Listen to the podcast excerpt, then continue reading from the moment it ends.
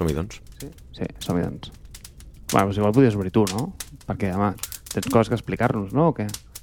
Què, què se n'ha fet d'aquestes dues setmanes de l'Àlex per aquí, per, per l'oest?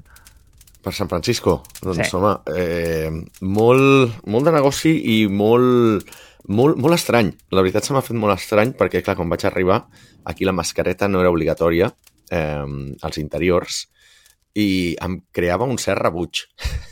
he d'admetre que no estava molt còmode, no per la paranoia i tot això, crec que el tema del Covid el tinc bastant superat, però, clar, dos anys acostumat a portar-la indoors, inclús a, a l'aire lliure, doncs també se'm feia, se'm feia molt estrany. Però aquí la gent és molt diligent i molt, molt creient. És a dir, molta gent la porta pel carrer, també. O sigui, a diferència de la resta d'Amèrica, que allà si vas amb mascareta et disparen, eh, se m'ha fet molt estrany. De fet, ahir ja vaig agafar un Uber sense, sense mascareta. Va ser també molt estrany en aquest aspecte. Per la resta, molt bé.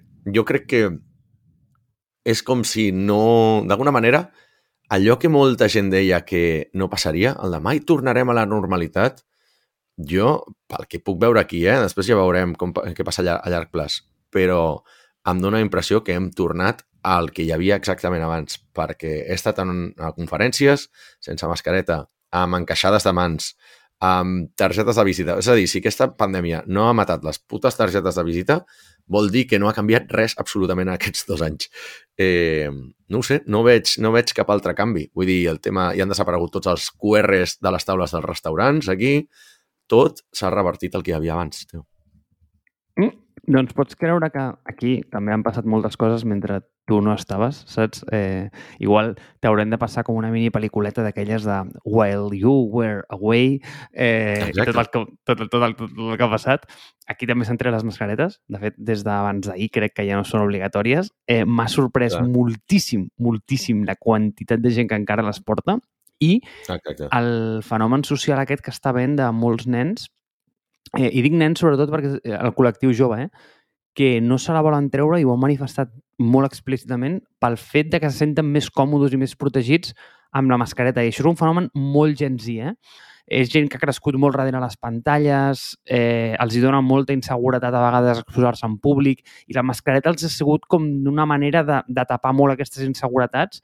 Eh, Val. molts d'ells aixecaven, per exemple, el tema dels ferros, dels grans, coses d'aquestes, que amb les que tu i jo hem tingut que conviure i dir, mira, noi, escolta, és el que hi ha, tu, escolta, ens ha tocat, hòstia puta. Eh, doncs ells, eh, d'alguna manera, Molt curiós. és molt curiós, és molt curiós com les pantalles els ha donat com aquesta protecció sempre i la mascareta mm. els ha donat com aquest plus de protecció en entorns oberts, no? I, i, i, i, i per altra banda, estic absolutament d'acord amb tu amb que que ràpid ens oblidem de com eren les coses i que, que fàcil ens és com a fer com, com, com aquest rebot a la normalitat, eh?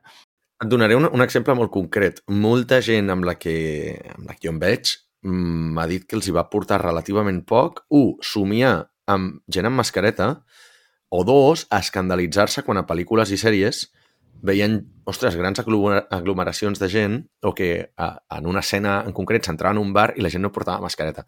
A mi això no m'ha passat. O sigui, jo ho he trobat molt estrany que jo no he patit aquest, aquest tipus de coses i, però és curiós que aquest moment de revertir el, les, les mesures mm, sí m'està generant, no sé, com un cert un cert, un cert estrès al cervell, saps? Vull dir, escolta, jo, tot, jo content de treure totes les restriccions que hi hagi, tot això ja, però, però el cervell m'està dient, ojo, que t'havies acostumat a, al que hi havia abans, eh? Vull dir, ja està. Dit això, una miqueta el meu, el meu resum de, del que hi ha aquí a l'altra banda de l'Atlàntic. Ara també et dic, mmm, aquí hi ha hagut una gran disputa del tema aquest del, de, de, del jutge de, de Florida, de Tampa, que va dir que, que era inconstitucional el tema de les mascaretes al transport. Per tant, què passa? Tothom s'ha agafat això com un ferro roent pels avions i, i durant dos dies ha estat bastant caòtic perquè fins que no hi ha com una contrasentència o no sé com és el llenguatge la, eh, judicial, doncs tothom s'està agafant això, no? I, I hi ha una miqueta al camp, una, una llei marcial, o sigui, a veure, de, a veure qui, qui guanya aquí, no? I, I jo tinc el vol de tornar d'avui i no sé si el farem mascareta o sense. Jo imagino que el farem mascareta perquè es va cap a Unió Europea. Ja serà allà... Però crec que vols internacionals aquí ja s'han fet amb gent sense mascareta. Ah, perdó, vols locals, o sigui, vols nacionals.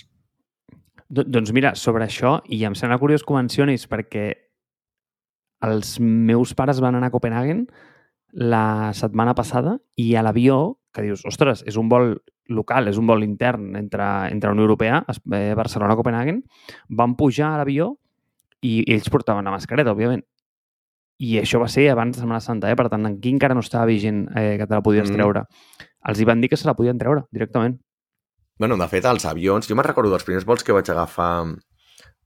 El... Jo per feina vaig haver d'anar al juny del 2020, val? encara en plena pandèmia, eh, té collons la cosa, ara que hi penso, vaig anar a Berlín, val? i els vols, eh, clar, tu imagina't, un avió és el lloc més, més tancat que hi ha a part del metro i dels autobusos, no? Vull dir, al final és un, és un tubo on hi ha molta gent molt apretada i, i encara estàvem en plena pandèmia. I clar, una cosa és, és, és, és certa, que és el tema de, de la regeneració d'aire als avions, pels temes tant de la pressió com de la qualitat d'aire, per les olors i no sé què. Clar, aquell sistema és molt més efectiu, o sigui, és més probable que agafis el Covid a l'aeroport que no pas dintre l'avió durant tot el trajecte que facis. Per tant, em va semblar... I ho deien molt, els avions, me'n recordo, els avions de Vueling ho deien i em va, em va semblar fascinant. Vaig mirar una miqueta de tecnologia aquesta i com funciona i, bueno, és tot, és tot un món el tema de regeneració. Però bueno, anem, anem, anem al tema, no? Perquè crec que ens estem desviant molt. Però, eh, crec que avui volíem parlar de, és un tema que vam apuntalar ja fa uns quants episodis, que és el de què passa quan tu tens una tecnologia molt específica que treballa sobre una gran plataforma, val? és a dir, està muntada sobre Gmail, sobre Google Calendar, sobre Amazon, i ve aquesta gran plataforma i decideix, uh, decideix copiar-te-la, no? O en el que se'n diuen els nostres termes, a la nostra jerga, és eh, et fusila el producte. En aquest cas, en tecnologia, fusilar vol dir que te'l copia fil per randa. Sí, i, i no només això, sinó que, de fet, eh, preparant una mica a l'episodi, li he estat donant diverses voltes de com aquestes coses poden passar i és curiós perquè veig com més angles sobre això.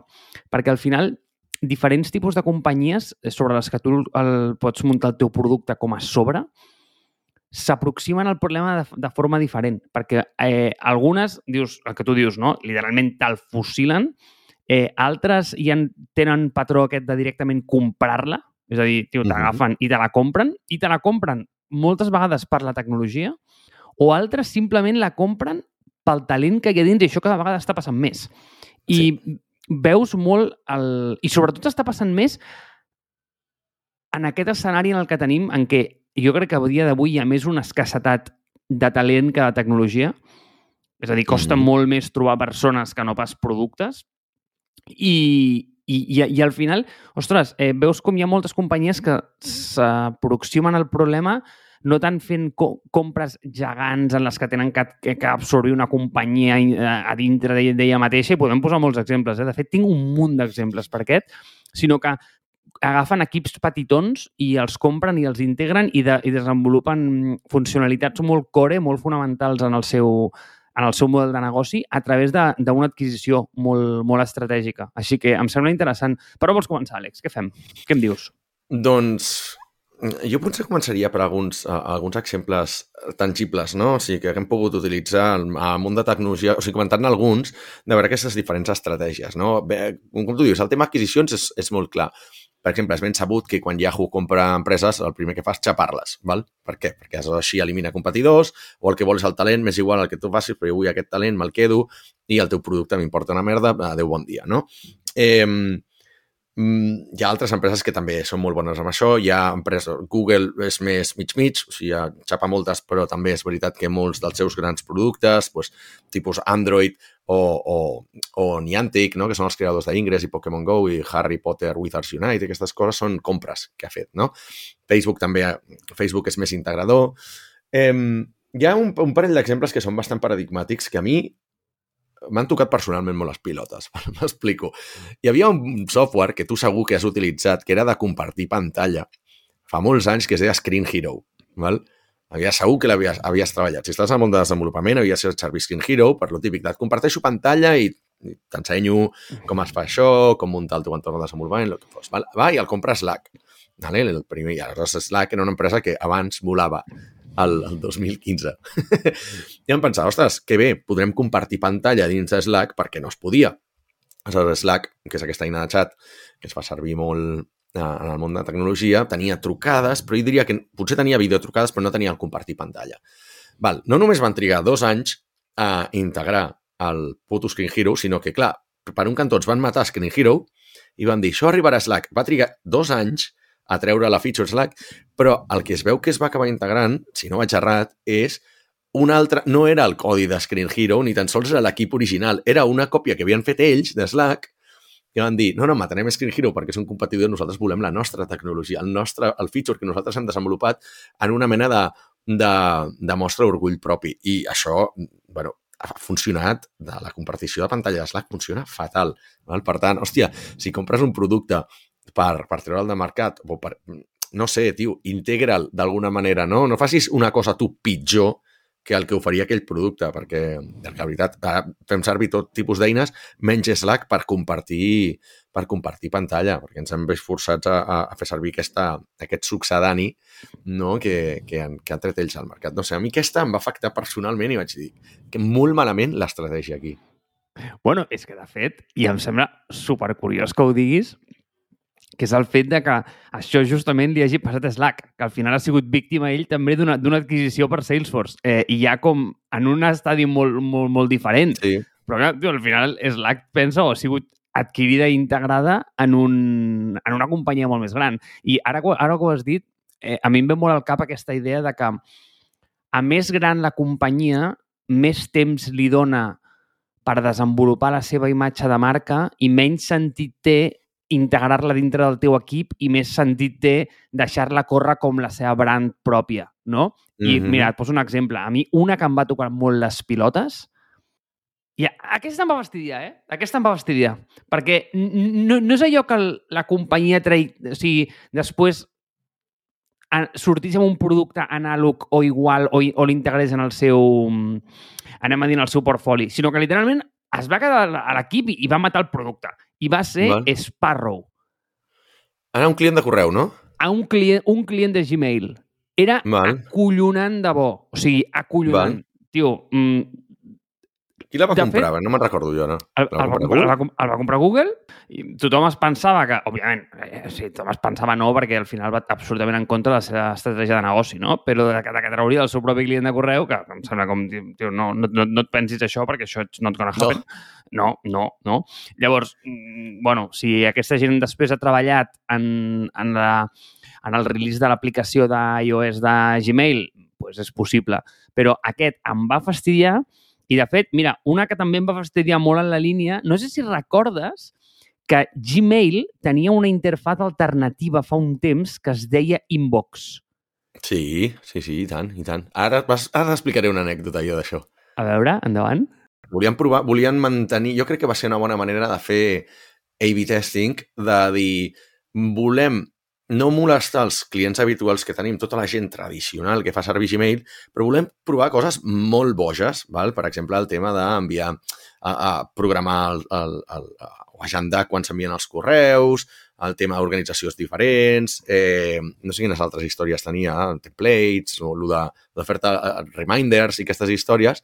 Eh, no sé si també tenia email, diria que no tenia email tracking, però van dir, doncs crearem una altra versió alternativa. I el que funcioni, jo, jo sempre ho havia entès com el que funcioni d'això eh, acabarà integrant-se al, al, al, al Gmail original. El que no sabia és que matarien del tot aquest projecte.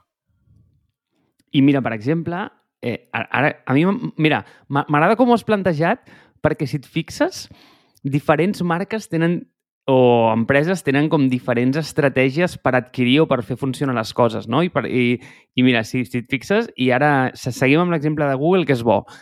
Sí.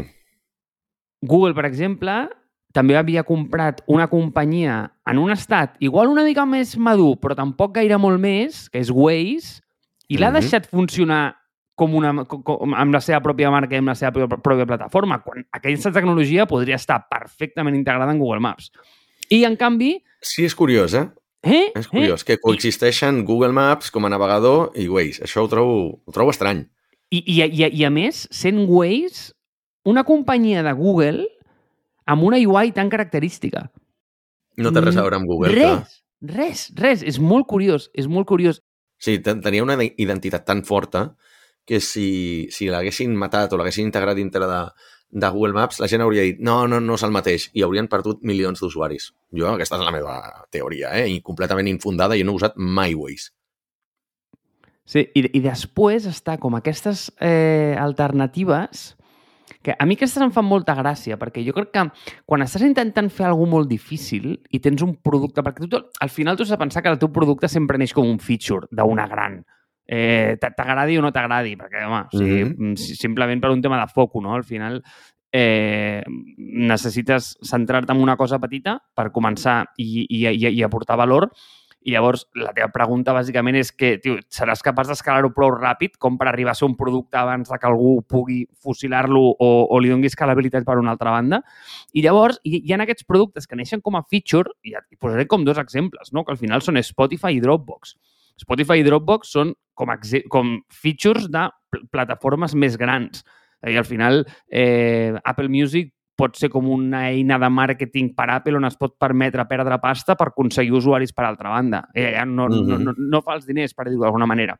Però fa molta gràcia com aquesta idea de que, hòstia, no, tio Dropbox, quan surti Google Drive estaràs mort saps? Però en canvi no yeah. passa això, no passa, passa tot el contrari, perquè a vegades són productes que estan tan en l'early stage que no tenen com suficient audiència o no han aconseguit com convertir a prou de gent per, eh, per convèncer-los de, de, de que, hòstia, de, de que això és una bona alternativa o és una cosa que és fins i tot possible i, en canvi, el fet de que les grans ho adoptin eh, li dona moltíssima exposició i li dona usuaris. De fet, hi ha una cosa molt curiosa de Spotify, quan Apple va treure Apple Music, que tothom va dir que estaria morta, que el, el, el CEO de, de Spotify va sortir dient que va ser el millor dia per ells de, de, de, com de l'awareness que s'havia donat al tema, tio, eh, havia sigut el millor dia per ells a nivell de subscripcions, cosa que em va semblar interessantíssim.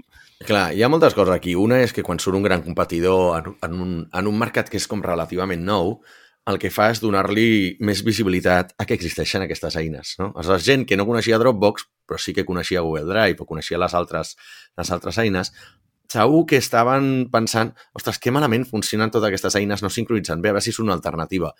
I i quan apareixen, quan apareix un nou player, sempre apareixen els articles aquests que acaben posicionant superbé a Google de quin és millor, Google Drive o Dropbox. No? I això fa que indirectament creixi el que se'n diu, fa el pastís més gran, no?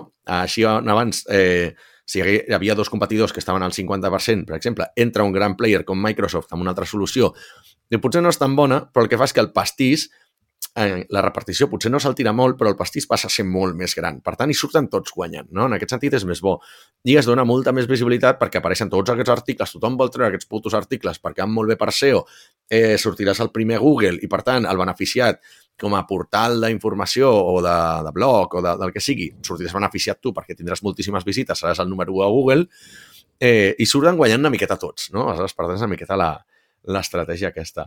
Eh, una de les coses que jo, jo tenia més en ment parlar de les, les eines que desenvolupem nosaltres, no? O sigui, el que, què passa si nosaltres construïm una eina, una empresa, que es fonamenta 100% sobre Amazon, per exemple, no? Tinc un parell d'exemples eh, molt, molt propers a mi i, de fet, un va eh, enllaçar molt bé amb el tema que havies comentat de Gmail Inbox, val?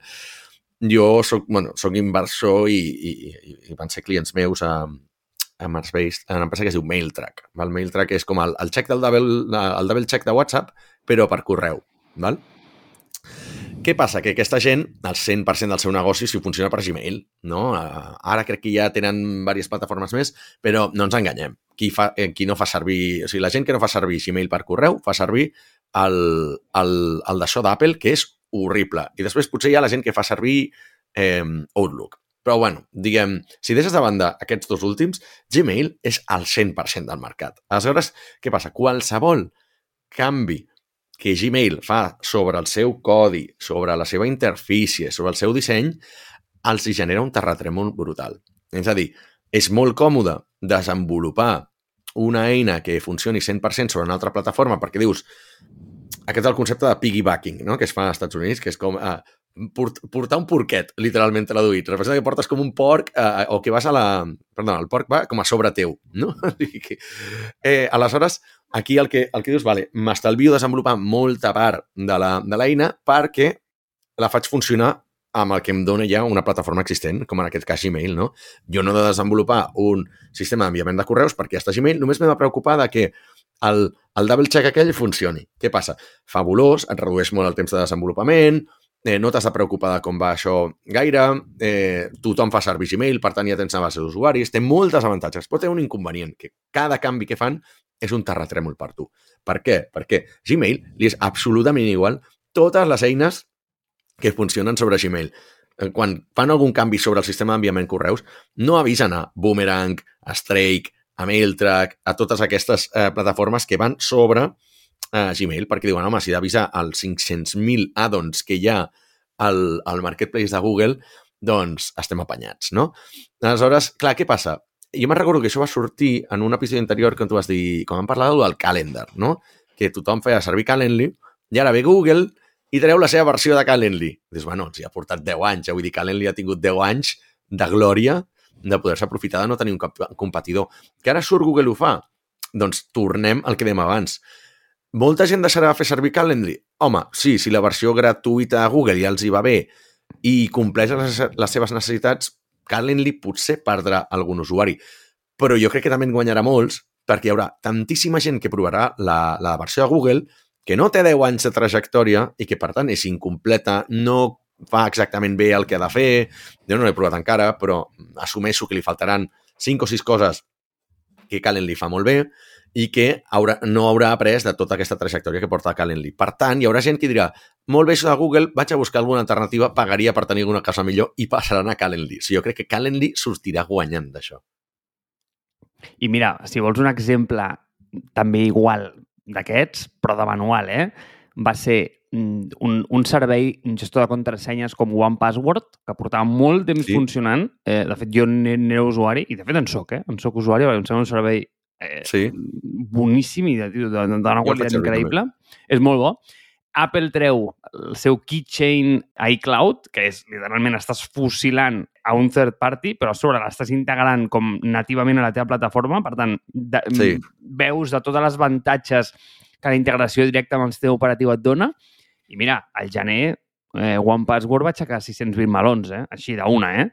Vull dir, Bueno, sí, sí. el keychain, parlem-ne, eh? perquè em sembla una, una solució, una castanya de solució desenvolupada per Apple. Eh? Però clar, clar, sempre tens aquest subset d'usuaris, generalment més enfocats, jo sempre penso, eh, en el en món, món corporatiu, professional, eh, que, tio, que necessitaran aquestes funcionalitats, no? I, sí. i, i, i per molt que et fusilin, mira, un altre que a mi em sap greu, perquè aquest producte me l'estimo, tio, i és que és molt maco, Àlex. Eh, i, I, hòstia, els tios que ho fan, Collons, és que, és que li posen molt amor, tio. Tu coneixes lo del Duet Display? Allò per... No. Sí, és un sistema com per projectar eh, la teva pantalla en, en un altre ordinador o en un altre tablet o en un altre telèfon. Llavors, Val. tio, Apple, quan va treure tot el tema de... Sí, Air Display, no? Algo així. Exacte, sí, de l'external display que, que, que, poden, que pots moure sí eh, d'un cantó a l'altre eh, pantalles, que per cert no ho han tret en aquest sistema operatiu, van dir que ho trobarien i no, no ha sortit la funcionalitat encara, eh, doncs literalment l'han fusilat de dalt a baix. O sigui, és exactament sí. el mateix producte, el que passa és que, clar, en el moment en què un proveïdor t'integra una funcionalitat dintre de, del seu core natiu, òbviament es beneficia de, de, del fet de tenir totes les APIs diu, que ell controla. Llavors, ell, ell juga amb les seves normes. I, clar, a veure, mm, és diferent. Llavors, tu has d'intentar buscar el valor per, una altra banda. És a dir, quan, anem a dir, per molt que vulguis ser un bon player dintre d'un sistema, d'una plataforma, en el moment en què la pròpia plataforma crea el producte, òbviament juga amb un avantatge competitiu respecte a tu brutal, perquè al final ell controla mm, tot el, totes les APIs i, i, i juga pues, amb, amb unes normes que tu no... És que, és que no, no, no t'apliquen. La seva gravetat no és 9,81, saps? Igual juguen ja. amb... Eh, clar, clar, és, ells, ells es foten les normes. Llavors, per tant, d'alguna manera, ells s'exposen unes APIs privades igual que no estan disponibles per tu. I clar, el nivell d'integració que poden fer, més si estem parlant de hardware, pues, eh, mai, estarà, mai estarà disponible per tu. Eh, i, I aquest punt serà interessant. Al final hi ha molta... Hi ha, és la, la dependència aquesta... O sigui, si t'hi pares a, a pensar fora del món de la tecnologia, qualsevol negoci és exactament dep depenent d'un altre negoci, no? O sigui, si tu vens olives, de béns del mercat de les olives. Aleshores, si el, si el transportista que entre el, el, el, el, entre el pagès i, el, i, el, i la teva botiga et canvia les normes i et diu, mira, abans t'entregava els dilluns i ara t'entrego els divendres, doncs tu t'has de fotre, saps? I t'has d'adaptar. A menys que tu tinguis molt més poder de negociació i diguis, no, mira, jo et pago perquè vinguis el dilluns, et pago un plus, val? i avui el dilluns a les 10 del matí. Que depèn de, quina, de quin nivell de posició, de postura de força tens tu a la cadena de valor. M'explico. Un altre exemple que volia, volia, volia comentar. Eh, una empresa per la que hem estat treballant molts anys és, es diu Zaptails, val? i el que fan és generar llibres físics o digitals, tipus els llibres de fotos de, de Hoffman, amb, amb converses de WhatsApp. Val? Mateix cas que abans que el de MailTrack. Val? MailTrack, 99% d'usuaris de Gmail, la resta doncs una miqueta rellevants. Aquí 99% de gent sobre WhatsApp i 1% de Signals, WeChats i altres històries que la gent doncs, tampoc, almenys als seus mercats, no fa servir gaire. Què passa? Que arriba un dia WhatsApp i diu canviem tot el nostre sistema de, de WhatsApp i ara ja no es, pot, no es permet fer A, B i C. I aquest, entre aquest A, B i C que no es permet fer, hi havia la tecnologia que havíem desenvolupat nosaltres per poder aconseguir, diguem, el, el tema, de, el tema, de, el tema dels, dels xats. Hi havia tant temes legals com temes tecnològics, no? Què passa? Home, l'empresa les està passant molt putes, per no dir que no sé si deuen estar tancant ja o no, però se'ls ha anat el negoci a la merda. També et diré, portes 10 anys fent això, saps que tens un risc si tu saps que depens 100% de WhatsApp, saps que algun dia WhatsApp et xaparà, et, et traurà, el, et tancarà l'aixeta i tu tenies la merda. O bé, tu assumeixes això i dius 100% de risc, però moltíssim guany i em va bé així i el dia que s'acabi, s'acaba, o amb el pas dels anys, tu vas desactivant aquest risc creant altres alternatives, provant altres mercats, provant altres productes o inclús creixent de tal manera en, en aquest cas no et pots posar al mateix nivell de WhatsApp, no? Però si li aportessis molt de valor a WhatsApp, aquí aquesta empresa li aportava zero valor a WhatsApp. Per tant, eh, no és que pugui anar a WhatsApp i dir-li, mira, tio, no em canvis això perquè eh, em quedo jo sense negoci. WhatsApp diu, mm, és que ni tan sols, eh, ni tan sols els ha atès, no? Però si d'alguna manera tu haguessis estat una empresa que li aportava moltíssim valor a WhatsApp, WhatsApp potser hauria dit, faig una excepció per tu, o fem un partnership, o et compro, o t'integro, que és una de les coses que sí que ha passat en, en, altres, en altres negocis. Per tant, molt de compte amb tota aquesta, tota aquesta tendència de fer els microsas, els, les, les empreses que són features i tot això, perquè és molt fàcil diguem, eh, durant els primers anys, sobretot, eh, recolzar-se o funcionar sobre altres plataformes existents perquè et solventen moltes coses i t'aporten clients i usuaris i tot això, però és que arriba un dia en què, amb un petit moviment seu, que és insignificant, tu no te n'adones i t'han tallat l'accés. Això va passar no sé si te'n recordes, jo utilitzo molt Goodreads, val? pel tema de, de traquejar la xarxa, xarxa social de, de gent que llegeix llibres. Val? Doncs tota aquesta penya de friquis, això es va muntar sobre Amazon. Què feia Goodreads? Agafava eh, tots els llibres d'Amazon, els, els fotia allà de manera, bueno, fent scraping, no? el que se'n diu, o sigui, directament copiant, no? fusilant el contingut que tenia Amazon i els, els tenia a la pàgina web. Què passa? Amazon se'n va donar compte d'això i quan ja, va, eh, quan ja els hi va molestar, va dir, pam, us trec l'accés.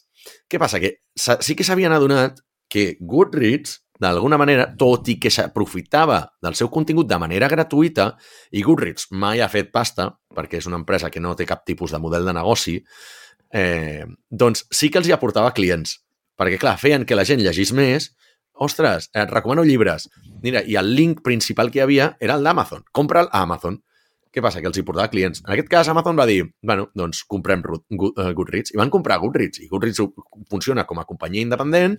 Van estar putejats molts mesos. Segurament la negociació va ser duríssima i molt, molt a la baixa perquè Amazon els va deixar sense negoci durant, durant setmanes, si no mesos, i es van haver de conformar el que digués Amazon, però han aconseguit continuar com a, com a plataforma més o menys independent integrada dins d'Amazon. I, bueno, és el clar cas de aquí sí que li aportes valor a la gran... Encara que tu eres una fracció de, de tamany, de facturació i de tot, els hi aportaves un valor que Amazon va saber veure, perquè si no hauria dit us quedeu sense accés i us busqueu la puta vida. No, not, my, not my fucking problem, no?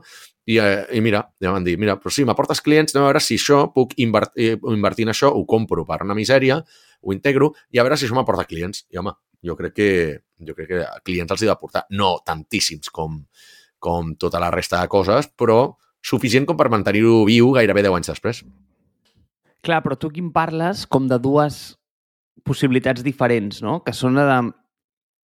I, i, i, o sigui, ja per tancar-lo, eh? O sigui, quan tu al final ets una, ets una conseqüència d'un side effect d'un canvi de producte, que igual no, no, no té per què voler-te matar, però mm, ets com un dany col·lateral, d'alguna manera, d'un canvi de plataforma. És a dir, tio, eh, decideixen canviar l'API per un motiu diferent al qual tu estàs portant aquell negoci, però jo indirectament t'afecta i et tanca el negoci, però altres és com aquest que tu menciones, que és el de, tio, o sigui, em molestes, eh, et vull treure del mig eh, i el que sigui, no? O sigui, et compro, et tallo l'accés, eh, em recordes perfectament els problemes, joder, ara, super rellevants de, de, de Twitter amb, tot els, amb, amb tots els canvis que van fer a l'API, amb la limitació de 100.000, no entrarem en el tema de Twitter, però eh, si vols, sí que m'has recordat avui una no, cosa... avui no. avui no, avui no, avui no, avui no. Però aquest tema, això, això sí que dona per un episodi, eh? eh sí M'ha recordat molt el tema, i això, Àlex, que és molt divertit, i sé que tu no mires sèries, eh? I jo tampoc em miro, però a, a vegades quan quan alguna cosa que es menciona et fa una referència molt directa a una sèrie i a un moment, a un moment molt graciós d'una sèrie és com, eh, és com que dius, mira, m'ha servit d'algú perdre el temps. I és, no sé si... Eh, bueno, Mad Men, la de eh, l'agència de... No, ok, hi ha un personatge molt rellevant que és Don Draper i estan en un ascensor i hi ha un senyor que li diu hosti, tio, eh, li diu, estic molt preocupat per tu, eh? eh del rotllo, estava preocupat per, hòstia, eh, pues, pues perquè les coses li anirien malament i tal. I el tio se'l mira i li diu, hòstia, estàs preocupat per mi? Li diu, joder, que curiós. Li diu, perquè jo, tio, mai penso en, en tu, saps? és com, és com, tio, o sigui, exacte, una, una, una cosa... aquesta, no? Exacte, com directament, d'una manera tio, eh, estic preocupat per tu, et fusilo, et copio, tal, no sé què, però, però l'altre és, mira, tio, és que no sé ni que tenia aquí un tio que feia doble check en els d'això, però jo necessito fer un canvi a l'API perquè tinc un problema de plataforma de la hòstia i, i, i resulta que he deixat aquests pobres tios fora, però, però jo, que jo no és el que volia fer, saps? És que no era, no era culpa meva, jo no estava pensant en vosaltres. Així que, no sé, m'ha fet gràcia com aquesta diferenciació que has, eh, que, que has donat. I tu, tio, espavila, perquè si no, tu no, no te'n vas de San Francisco i vull que tornis, eh? Jo tinc literalment el check-out d'aquí 20 minutets, per tant, és bon moment per deixar-ho aquí. Sí, et deixem marxar? Vinga, va, Àlex. I el següent deixem... ja serà des de Barcelona. A menys que vulguis gravar des de l'avió. no, no sé si el wifi serà eh, de lo millor que tindrem. Eh, bueno, el... Marc, algun dia això ho intentarem. Tio, aquell, aquell, I a més aquell dia el farem en directe. Vinga. Hòstia, challenge accepted.